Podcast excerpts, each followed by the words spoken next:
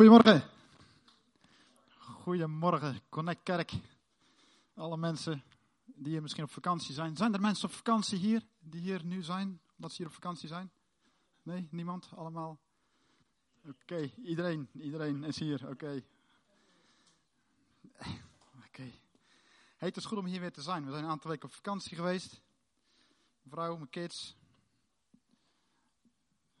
En we zijn aardig, ik probeer even gelijk even wat dingen klaar te zetten. Een aardig stukje verder gegaan. We zijn uh, in Noord-Spanje geweest. Dat is hartstikke gaaf. Bergen, zon. Dat is gewoon genieten. Genieten van Gods schepping. Altijd genieten van elkaar. Ook even tijd voor elkaar apart zetten. Tijd voor God. En tijd om te genieten van zijn schepping. Dat is super gaaf. Dus uh, als je nog op vakantie gaat. Gaan er nog mensen op vakantie hier? Ja, die nog weggaan. Ik zie daar. Oscar en hij die gaan vanmiddag al. Die hebben hier de auto met de spulletjes al klaarstaan. Die rijden zo meteen direct door naar Frankrijk. Maar geniet ervan als je, als je vakantie hebt. Dat zijn mooie dingen. Dat is ook een geschenk van God, denk ik. Thuis kunnen we ook genieten. Natuurlijk. Maar vakantie is altijd weer op een andere manier. Altijd op een andere manier. Goed, hey, we gaan vandaag gaan we het hebben over Esther. We gaan verder met, uh, met, de, met de serie waar we mee bezig zijn. We zijn bezig met Esther. Oscar die heeft de vorige twee keer ook gesproken over Esther, over intimiteit, over identiteit en over autoriteit ga ik dan vandaag spreken. En zo behandelen we steeds een aantal personen uit de Bijbel. Daarvoor hebben we David hebben we gehad. En nu zijn we dus bezig met Esther. En Oscar die heeft vorige week al gesproken, of twee weken terug, over intimiteit met Esther. En dat, is, uh, dat bestond in haar leven, intimiteit, was dat zij voorbereid werd op de taak die ze in haar leven uh, te doen had. En Esther heeft een enorm belangrijke rol gespeeld, ook in de geschiedenis van het Joodse volk. En wie was Esther? Esther was eigenlijk maar gewoon een heel normaal, gewoon Joods meisje. En nog wel van een verdrukt volk, maar het, het, was het, het was onderdeel van het Joodse volk, wat min of meer onderdrukt werd in het grote Perzische Rijk. En vorige week heeft Oscar gekeken naar identiteit. En dan heeft hij ook gezegd van dat je onderdeel bent van een groter plan. Dus heel vaak denken van nou, het gaat om mijn gaven, mijn talenten. Dat is ook wel zo, maar eigenlijk onderdeel van een veel groter plan van een volk. En als je in Christus bent, dan maak je onderdeel uit van dat volk. En toen verwees hij ook naar Efeziërs, waar er heel veel over wordt gezegd. Vandaag ga ik het hebben over autoriteit. Hoe gebruikt Esther naar de plek die God haar gegeven heeft? Dat geldt eigenlijk ook voor ons. Hoe gebruiken wij de plek die God ons gegeven heeft? Vandaag. Vandaag. We gaan naar de Bijbel. En dan lezen we het verhaal van Esther. Ik heb een aantal stukjes eruit gehaald. Als goed is worden ze ook geprojecteerd. Dan gaan we naar Esther 3, vers 1 tot 6. En dan gaan we eigenlijk terug, we gaan een tijdje terug, dus het is in de vierde tot vijfde eeuw voor Christus ongeveer. Het verhaal speelt zich aan het Perzische Hof. En koning Ahasveros, die is koning van dat grote Perzische Rijk. En het Perzische Rijk dat bestaat uit 127 provincies. Dat is niet niks. En strekt zich uit van Nubië, is ergens een streek in Egypte, tot en met India. Dus dat is een enorm gebied wat hij had. En in die tijd, als je koning was, was je bijna nou ja, onaantastbaar, zeg maar. Als je iets deed wat tegen de koningswil inging, werd gewoon alle minuut gewoon, ik zou zeggen, je kop eraf gehakt. Dus je moest echt geen, hem geen strobreed in de weg leggen. Deed je dat wel, was het einde verhaal. Dus het was echt iemand die ja, respect afdwong. En koning Ahasveros, die gaf in het begin van Esther een uitbundig feest. Om al zijn rijkdom tentoon te spreiden aan alle rijken, aan alle mensen van invloed die hij kende. En uiteindelijk wilde hij zijn eigen vrouw, was die, was dat destijds, was een hele mooie vrouw, wilde hij ook laten zien aan al die mensen. Moest laten zien van, kijk eens, hoe mooie vrouw ik heb. En dan wilde hij mee pronken. Maar was die, die zegt, dat doe ik niet. Ik ga niet op dat feest, ga ik daar staan pronken om jou te behagen, koning Ahasveros. Dus koning Ahasveros, die baalde ervan. Want eigenlijk leed hij een beetje gezichtsverlies. Dus heeft, was die, heeft hij verstoten. En uiteindelijk gaf hij de opdracht om een mooi nieuw meisje uit te zoeken voor hem. Zo ging dat in die tijd. Er waren allemaal meisjes, werden allemaal geselecteerd. En ze gingen allemaal door een proces van voorbereiding heen. En ze werden gezalfd. En dat was echt een heel traject was dat, van, van, eh, van maanden, een jaar. En uiteindelijk wordt Esther wordt geselecteerd. Esther wordt geselecteerd als gewoon Joods meisje. Maar ze mocht haar identiteit niet zeggen. Had haar pleegvader tegen haar gezegd. Want Esther, haar ouders, waren gestorven. En Mordechai was pleegvader geworden van Esther. En Mordechai was eigenlijk een man van God. Dat is een wijze man. En die man had heel veel inspraak. Nog geluid? Ja. Wat Esther deed, ze luisterde ook naar Mordechai. Dus ze erkende hem gewoon in wie hij was, in de wijsheid die hij bij zich had.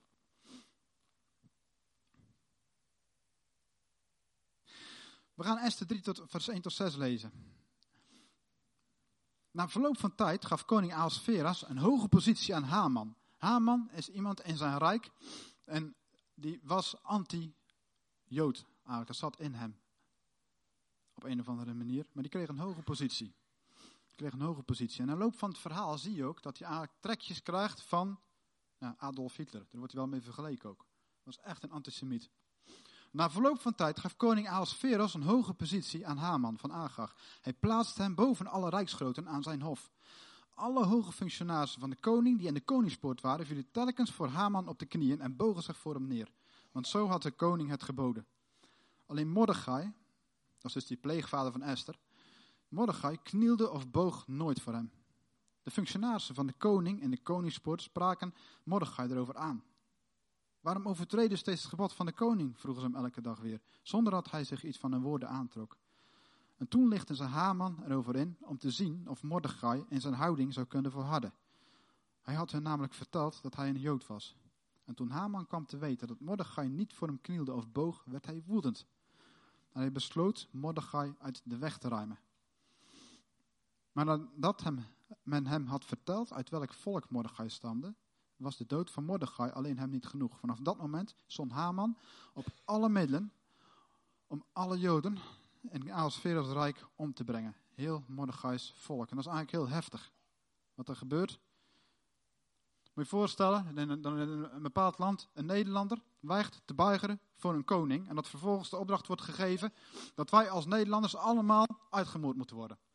En dat, zo was het, hè? zo werd dat gewoon even bepaald.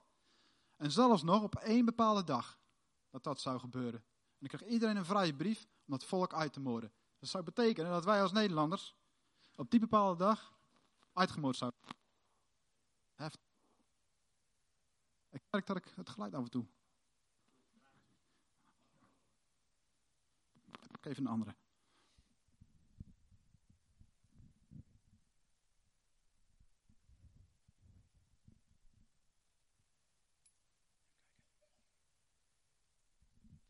Yes.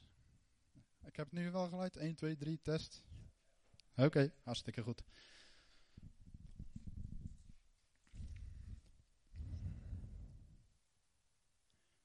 Dus Mordechai, die gaat in de rouw. Mordechai gaat in de rouw omdat hij weet van mijn volk wordt uitgemoord. En hij verzoekt Esther, want Esther is op dat moment is zij koningin geworden. Ze is uitgekozen door de koning als zijn meisje. Hij verzoekt Esther om de koning om ja, de spijt te vragen.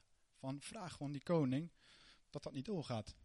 Maar Esther, die leeft als een koningin. En Esther, die wordt eigenlijk in een klein kootje gehouden. Ze krijgt alles wat haar hartje begeert, maar ze hoort eigenlijk heel weinig van de omgeving. Zo ging dat ook in die tijd. Dus de koning was met allerlei dingen bezig, maar die Esther had er helemaal geen idee van waar hij allemaal mee bezig was. En wat er buiten allemaal gebeurde. Maar ze hoort dat dus via Mordechai. We lezen even het volgende stukje. Esther droeg Hatag op om Mordechai het volgende te antwoorden. Het was dus haar antwoord op het verzoek van Mordechai om naar de koning te gaan.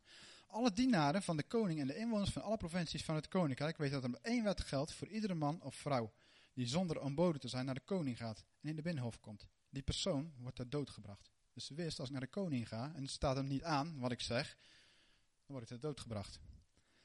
Alleen degene die de, wie de koning zijn gouden scepter toesteekt, brengt het er levend vanaf. Wat mijzelf betreft, ik ben nu al geen 30 dagen bij de koning ontboden.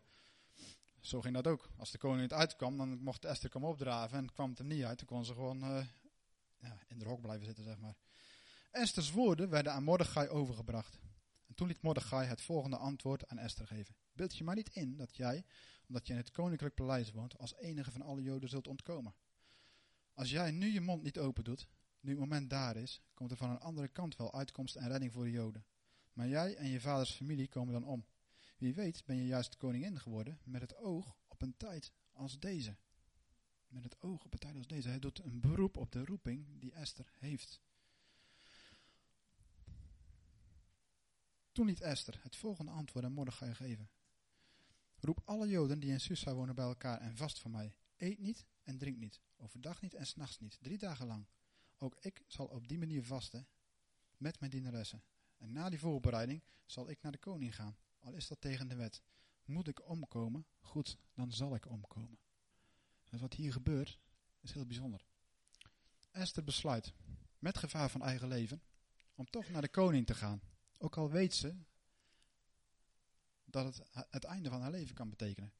Maar ze weet ook, als ik dat niet doe, dan komt het Joodse volk om. Dan kom ik sowieso misschien wel om. Dus wat doet ze? Ze neemt de stap naar de koning te gaan. De Bijbel omschrijft het eigenlijk anders. Zij nodigt de koning uit.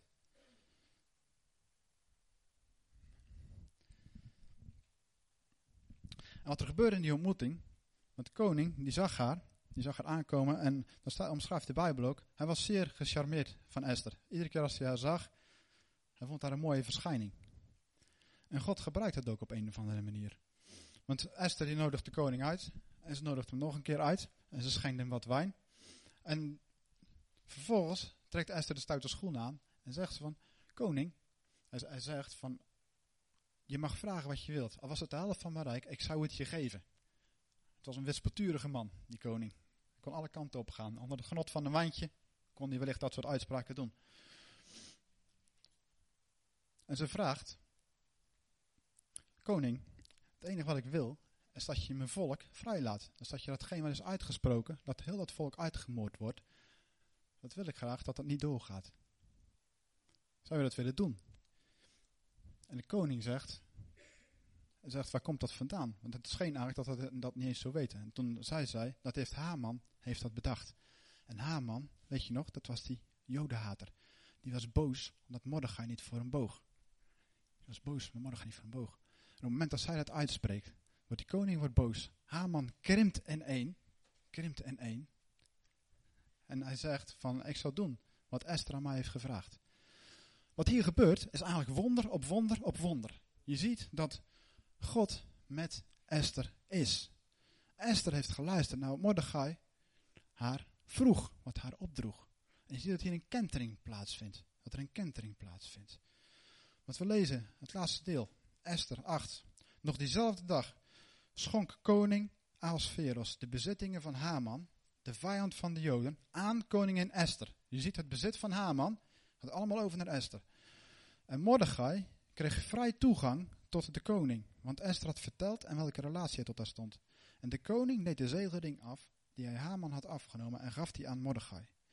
En Esther gaf Mordechai het beheer over Hamans bezittingen. En toen brak die dag aan, waarop was uitgesproken dat al die Joden zouden worden uitgemoord. Het was de dertiende dag van de twaalfde maand. De maand Adar brak aan, de dag waarop het bevel en de wet van de koning zouden worden uitgevoerd. De dag waarop de vijanden van de Joden hen in hun macht hoopten te krijgen. Maar het omgekeerde gebeurde. Het waren juist de Joden die hun belagers in hun macht kregen. Dus je ziet dat God zijn volk niet loslaat. Dat hij door een Joods meisje, als Esther, een heel gewoon meisje, dat hij verheft naar een positie naast de koning als koningin. Dat zij vervolgens de stap neemt om haar mond open te trekken richting de koning. En dat daarna het tij helemaal keert. En dat Gods zegen weer doorstroomt. Want de Joden,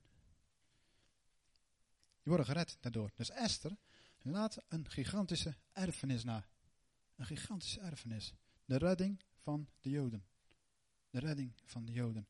En dat is zo gaaf om te zien. Wat voor, ja, wat, wat voor, voor impact eigenlijk één handeling, een daad van gehoorzaamheid, een daad van uitstappen uit haar comfortzone. Want ze zat in een heerlijk warm, mooi kamertje met alle gemakken was ze voorzien.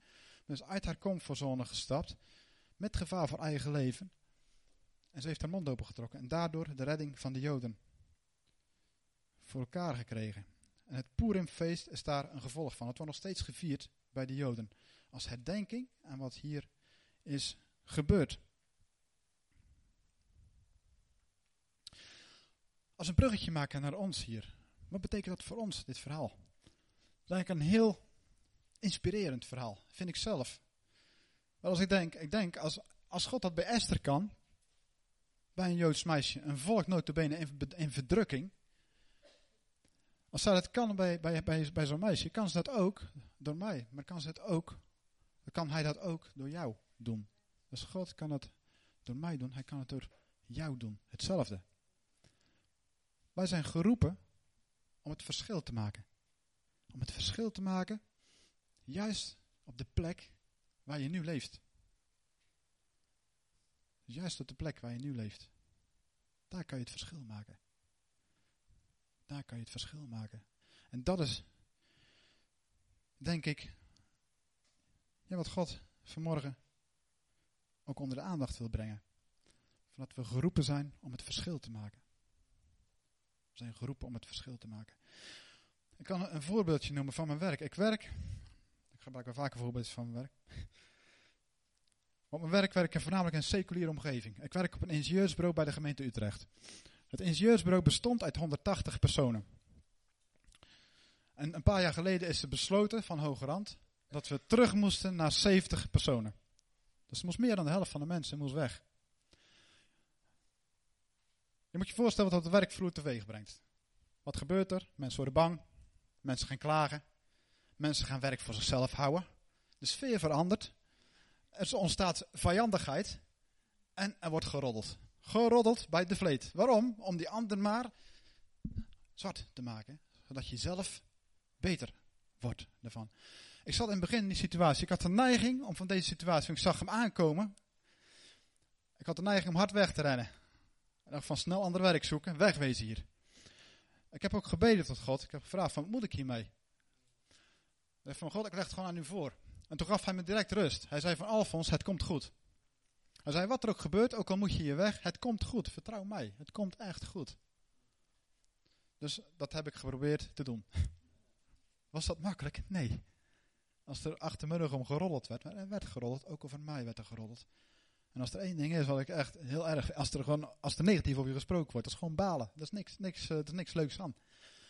En er waren een aantal nabije collega's, ik heb een goede relatie met een heel aantal collega's, maar er waren een aantal nabije collega's, ik denk dat ze me als een gevaar zagen, ik weet het niet. Maar die, daar, die konden daar, en ik hoorde het ook via anderen, dat ze echt enorm om me afgaven. Alles wat ik deed, alles wat dat was allemaal niet goed. Weet je? En er waren een stuk of vier, vijf collega's waren dat die dat deden. Maar God zei steeds tegen mij: van het komt goed. Weet je? Het komt echt goed. En je zal zien dat ik overwinnaar ben. Dat sprak hij echt. Dus ik, nou ik deed maar gewoon mijn werk. En uh, uiteindelijk is het erop neergekomen dat uh, een heel aantal van die collega's, de eerste, zeg maar degene die het, meest rolde, moest als eerst eruit. Ander die het ook deed, haar functie verviel. Weer een andere man, en die, die, was, die probeerde mij ook uh, behoorlijk onderuit te halen. was een heel ervaren man. En uh, ik, had echt, ik heb echt respect had ik voor hem. Maar het was al, het wel pijn als mensen je uh, proberen onderuit te halen op allerlei manieren. Ook projectmatig. Maar goed, hij bleef, ik zal zeggen, met twee vingers, nagels, bleef hij nog aan de boot hangen. Maar zijn houding is 180 graden gedraaid, nu. En daarnaast zijn er nog een heel aantal. Er zijn nog twee, drie zijn er weggegaan. Er zijn ook een aantal, ik spreek het maar gewoon uit, een aantal mensen zijn er overleden. Ja, ik zeg, ik zeg niet dat het door mij komt, maar het is wel gebeurd. Ze werden ziek. Ik was onder de indruk van wat God deed. Wil ik nou zeggen dat ik zo goed ben? Helemaal niet. Maar ik zie wel dat God uh, een plan met me heeft, daar op die plek. Ook al denk ik zelf dat ik geen, maar juist doordat je, uh, doordat zijn aanwezigheid op je rust, en dat doet hij ook op jullie, als je op, op God vertrouwt, rust zijn aanwezigheid, rust op jou. En dan merk ik ook op het moment dat je ergens binnenkomt, schijnbaar gaat de aanwezigheid van God gaat met je mee. En uiteindelijk is het zo gekomen dat ik zelf mocht daar blijven. In eerste instantie weet je niet, moet je daar blij mee zijn, maar ik denk dat God het heeft gezegd, heeft gedaan. Precies wat hij ook tegen Esther zegt. Wie weet ben je juist koningin geworden met het oog op een tijd als deze, zegt hij aan Esther. Maar ik denk dat hij dat ook op die manier tegen mij zegt. Wie weet ben je juist ambtenaar van de gemeente Utrecht geworden. ambtenaar van de gemeente Utrecht. Ambtenaar van de gemeente Utrecht geworden met het oog op een tijd als deze. En ik denk dat dat ook voor jou geldt. En het maakt niet uit wat voor functie je vervult. Of in welke situatie je zit. Ook al ben je misschien schoonmaker. Vind ik niks denigrerends aan trouwens. Want ik vind het hartstikke mooie beroepen. Of al ben je vuilnisman. Of al ben je een, een wethouder. Of ben je een dokter. Maakt helemaal niks uit. Ook al heb je misschien geen werk. Dan toch geloof ik dat jij op die plek staat met het oog op een tijd als deze. God heeft je daar geplaatst als doel om het verschil te maken. Ja, om het verschil te maken.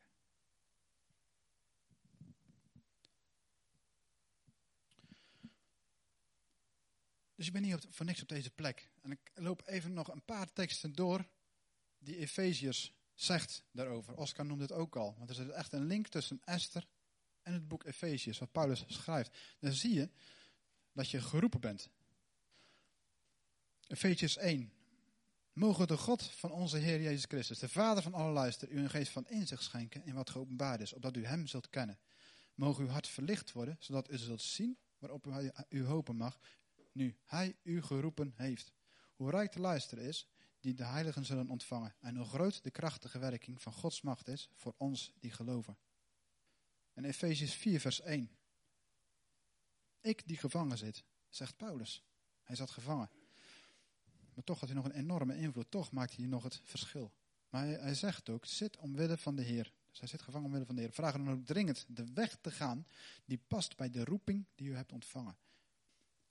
Wees steeds bescheiden, zachtmoedig en geduldig. En verdraag elkaar uit liefde. Efeziërs 4, vers 22 zegt hetzelfde. Door Jezus wordt duidelijk dat u uw vroege, vroegere levenswandel moet opgeven. Dus laat je oude leven los. Dat betekent, wees niet onzeker. Twijfel niet. Wees niet onzeker. Ik heb zelf ontzettend geworsteld met onzekerheid. Maar God kan het echt helemaal omdraaien. Je hoeft niet onzeker te zijn. Als God met jou is, we hebben het net gelezen, God strijdt voor je. Echt, hij strijdt echt voor je. Ook heb je het niet in de gaten, hij strijdt echt voor je. Dus je vroegere levenswandel opgeven. En de oude mens die te gronden gaat aan bedrieglijke begeerten moet afleggen. Dat uw geest en uw denken voortdurend vernieuwd moeten worden. En dat u de nieuwe mens moet aantrekken. Die naar Gods wil is geschapen. En waarachtige rechtvaardigheid en heiligheid. En dan Efeziërs 4 vers 30. Maak Gods heilige geest niet bedroefd. Want hij is het stempel waarmee u gemerkt bent voor de dag van de verlossing. Gods heilige geest maakt je niet bedroefd als je gehoorzaam bent. Wees gewoon gehoorzaam. Als je, als je merkt dat Gods geest iets wil doen, trek gewoon je mond open. En soms vergt dat een stap. Misschien met angst en beven, met knik in de knieën. Maar zet die stap, weet je. Als jij die stap zet, dan kan God werken. Als je stil blijft staan, kan hij niks doen. Want onze strijd is niet gericht tegen mensen, maar tegen hemelse vorsten, de heersers en de machthebbers van de duisternis, tegen de kwade geesten in de hemelsferen. Neem daarom de wapens van God op om weerstand te, kunnen bieden op de dag van het kwaad, om een goed voorbereid stand te kunnen houden. Houd stand met de waarheid als gordel om uw heupen, de gerechtigheid als harnas om uw borst, de inzet voor het evangelie van de vrede als sandalen aan uw voeten. En draag bovenal het geloof als schild, waarmee u alle brandende pijlen van hem, die het kwaad zelf is, kunt doven. En draag als helm de verlossing en als zwaard de geest, het wil zeggen Gods woorden. De Bijbel is een heel rijk boek hè, wat dat betreft. En dan ga ik afsluiten met wat Peters zegt.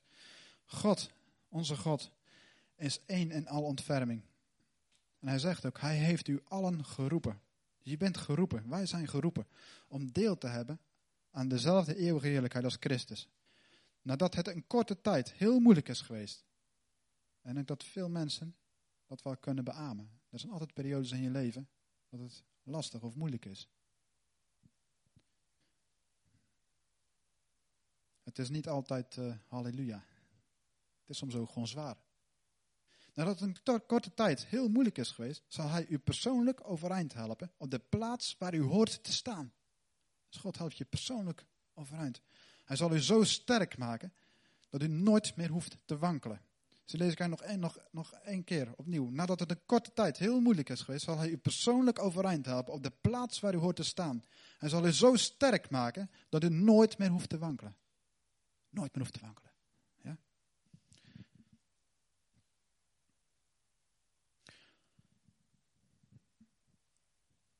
En wat is jouw erfenis? Wat is jouw erfenis? Als je kijkt naar de erfenis van Esther. Als je kijkt naar de erfenis van Esther. Dat is gigantisch. Redding van het hele Joodse volk. Wat is jouw erfenis? Wat is mijn erfenis? Wat laten we na? Wat laten we na? Hoe kan jij uitstappen? Hoe kan je het verschil maken? Hoe kan je het verschil maken? Is een hele mooie opdracht die God ons geeft. Een hele mooie roeping, maar ook een heel uitdagende. En dat vergt een stap. Dat vergt een stap. En het vergt soms wel een paar stappen. Soms ook dwars tegen je gevoel in. Het vergt een stap. Yes? Oké, misschien is het goed als we even met elkaar gaan bidden. Als je wil, dan mag je gaan staan. En dan gaan we gewoon God uitnodigen. Een Heilige Geest uitnodigen. En Vader en Hemel, dank u wel voor uw liefde. Dank u wel voor uw trouw. En dank u wel wat u ook door Esther heen laat zien, wat u heeft gedaan door Esther. De redding van het Joodse volk door een gewoon Joods meisje. Die koningin wordt. En die haar plekken neemt. Ik dank u wel dat het ook voor ons een inspiratie mag zijn. Hoe dat zij haar plek gebruikt die God haar gegeven heeft. En Heer, u heeft ons ook een plek gegeven. U heeft ons een plek gegeven. In ons gezin. Misschien een studentenflat. Of op school, op het werk.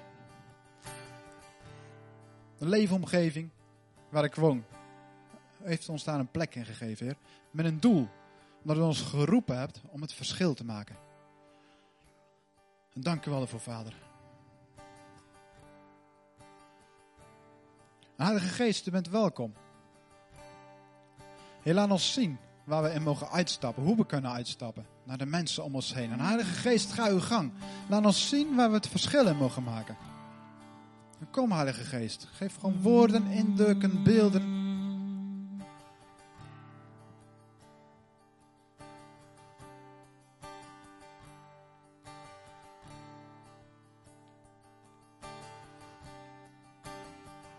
En misschien is het iets kleins. Misschien is het juist iets groots. Een stap die je mag maken. Naar mensen om je heen. Misschien is het een daad van liefde. Iets kleins, een kaartje. Misschien is het vergeving vragen aan iemand. Misschien is het juist meer vertrouwen op God en de situatie waar je nu zit. Dat kan ook een vorm van uitstappen zijn. Dat is een groot getuigenis.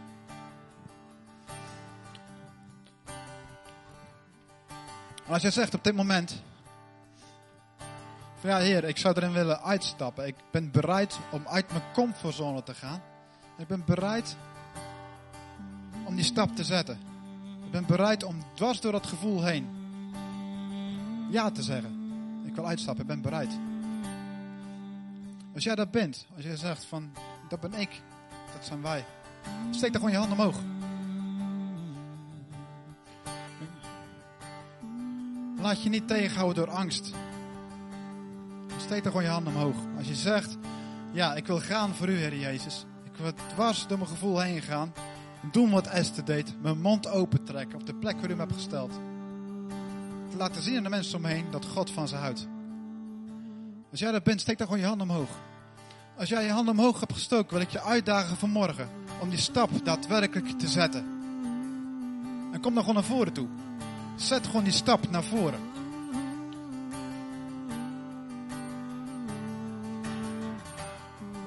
Je zet die stap voor jezelf en je laat tegenover God zien dat je bereid bent om te gaan.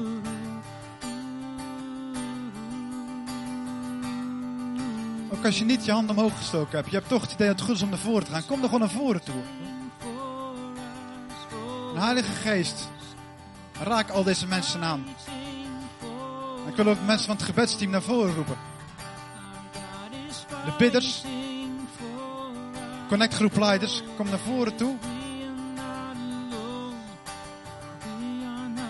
Gaan we de mensen zegenen en het uitstappen. Om ze de moed te geven om uit te stappen.